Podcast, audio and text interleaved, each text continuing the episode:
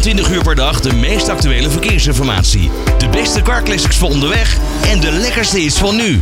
Traffic Radio. De laatste jaren zijn er veel ontwikkelingen geweest op het gebied van autonoom rijden. Praktisch gezien zou ik uh, ja, met mijn laptop achter het stuur kunnen zitten en een mailtje kunnen versturen. Zonder dat ik aandacht heb voor mijn voertuig waar ik in zit en naar de weg hoef te kijken. Het enige probleem is dat dat nog niet mag. Hoe staat het daar eigenlijk mee qua regelgeving? Dat ga ik bespreken met Lennart Zalemink van het ministerie van Infrastructuur en Waterstaat. Lennart, een hele goede middag.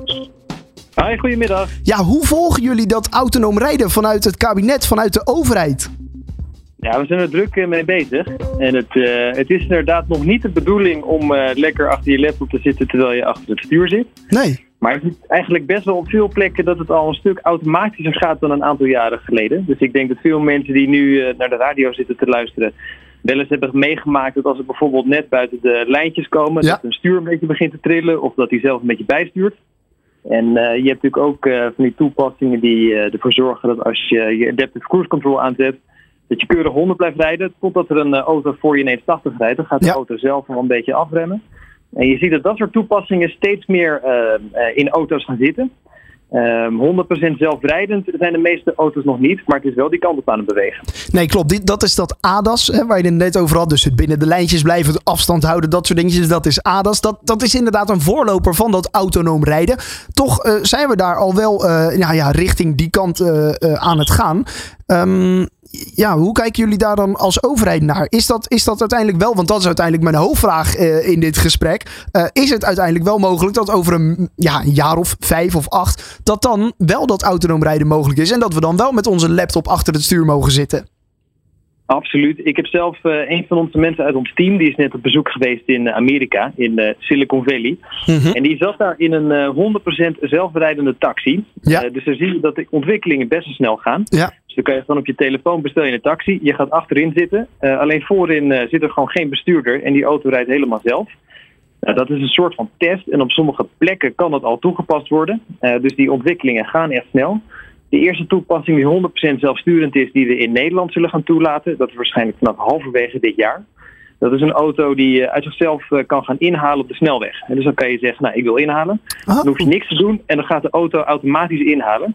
En dan gaat hij degene die voor je rijdt netjes inhalen. Maar daarvoor is het wel heel erg belangrijk, en zo kijken we eigenlijk naar al die toepassingen, dat het op een veilige manier kan gebeuren. Ja. Uh, want als die auto helemaal zelf gaat inhalen, je hoeft inderdaad als bestuurder niks meer te doen. Ja, dan moet je natuurlijk wel zeker weten dat die auto dat ook echt kan. En dat er niet ineens een, een naar ongeluk gaat bestaan. Ja, precies. Want uh, hebben jullie daar cijfers van? Is een computer veiliger dan een mens achter het stuur? Nou, het is voor ons heel erg belangrijk dat we heel veel testen doen en gaan meten of dat inderdaad ook zo is. Dat die computers veiliger zijn dan wat mensen zelf zouden kunnen. Of dat wat die uh, toepassingen doen mensen helpen, want dat is vaak met ADAS, hè, zoals je noemt, dus die hulpjes die je nu al vaak hebt, die automatisch zijn, dat die mensen helpen om het veiliger te maken. Uh, dus wat we op dit moment aan het doen zijn, is heel veel testen. Om te kijken, is het inderdaad veiliger wat, uh, wat zo'n voertuig doet dan wat een bestuurder zelf kan doen. Ja.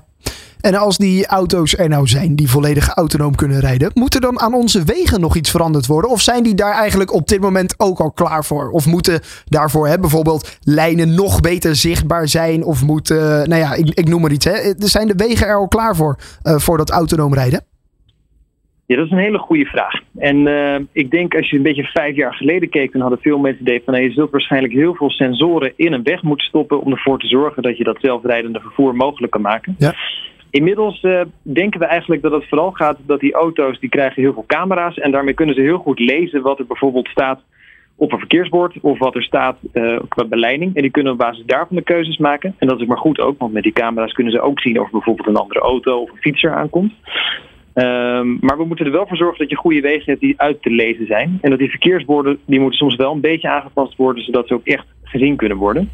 En wat ook een hele belangrijke is, we hebben ook een digitale kaart van Nederland. Het Nationaal Toegangspunt Mobiliteitsdata. Mm-hmm. Daarin stoppen we steeds meer informatie, bijvoorbeeld over snelheden, uh, over files of over schoolzones. En die helpen die zelfrijdende auto om de goede keuze te maken. Oh. Ja, dat kan ook gewoon jou helpen als je achter het stuur zit. Dat je als je je navigatie-app zit. Ik hoorde net jullie je file Ja. bericht geven. Ja. Dat je die files ook in je systeem krijgt. Dan krijg je misschien een andere route om eromheen te rijden. Maar ook bijvoorbeeld dat je niet langs de schoolzone rijdt. Of uh, dat je precies weet, als het na 7 uur is, mag ik 130 en daarvoor 100. Dat je auto dat ook echt zelf goed kan weten.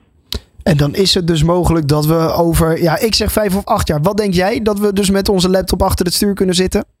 Nou, ik denk dat je daar wel een paar goede flessen wijn of leuke biertjes of iets anders wat je graag drinkt op zou kunnen zetten. uh, wat ik zelf, uh, en, en, dan mag je ze ook misschien wel gaan drinken zelfs als je achter het stuur zit.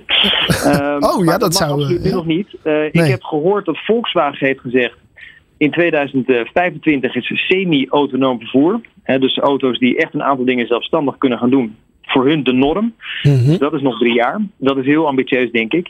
Ik denk als je in 2030 bent, dat je echt wel autonoom vervoer op de wegen hebt. Niet dat alles autonoom is, maar wel dat je bijvoorbeeld zo'n automatische taxi in sommige steden. Het zou best wel eens kunnen zijn dat je dat binnen nu en uh, een jaar of acht inderdaad op de weg gaat zien. En dan is dat dus uiteraard ook gelegaliseerd vanuit de overheid. Want dat is nu volgens mij waar sommige uh, nou ja, uh, automerken nog een beetje tegenaan hikken. Dat de, de, overheid soms nog net ietsjes achterloopt op de, op de autobedrijven. Ja, kijk, wat wij als Nederland altijd gezegd hebben, wij willen het uh, meest innovatieve land en het meest uh, geschikte land hiervoor zijn, door het ook meteen op een veilige manier te kunnen doen. Mm -hmm. Nou, als je kijkt naar de wereld bij de rankings, hoe ver zijn we als Nederland? Dan staan we nu op nummer 2. Op 1 staat Singapore. Uh, die is daar het verst in qua regelgeving en hoe klaar ze zijn. Dus daar was ik afgelopen week voor een werkbezoek om te kijken wat ze daar doen. Nederland is binnen Europa nog steeds nummer 1. En we maken samen met de andere landen van de Europese Unie de afspraken over hoe we op een veilige manier die, uh, die auto toe kunnen passen. Uh, en als je nu iets wilt testen in Nederland, dan kan dat ook. Dan hebben we daar experimenteerwetten voor. Uh, en met die experimenteerwetten kunnen we ervoor zorgen dat als jij zegt, nou wij denken dat het al veilig kan, dan gaan we dat gewoon samen testen. Uh, en dan kan je in Nederland uh, meer testen dan in andere landen. En op die manier proberen we ook met bedrijven die hele slimme dingen doen, samen te kijken hoe we dit toe kunnen gaan passen. Kijk, nou ja, ik vind het een hele interessante. En nou ja, dan uh, zet ik nu alvast maar een uh, flesje wijn met jou op 2030. Dat we autonoom kunnen rijden in Nederland. Is dat goed? Ja, oké, okay, gaan we dat doen. Ik sprak met uh, Lennart Zalenwink van het ministerie van Infrastructuur en Waterstaat over het autonoom rijden. Traffic Radio.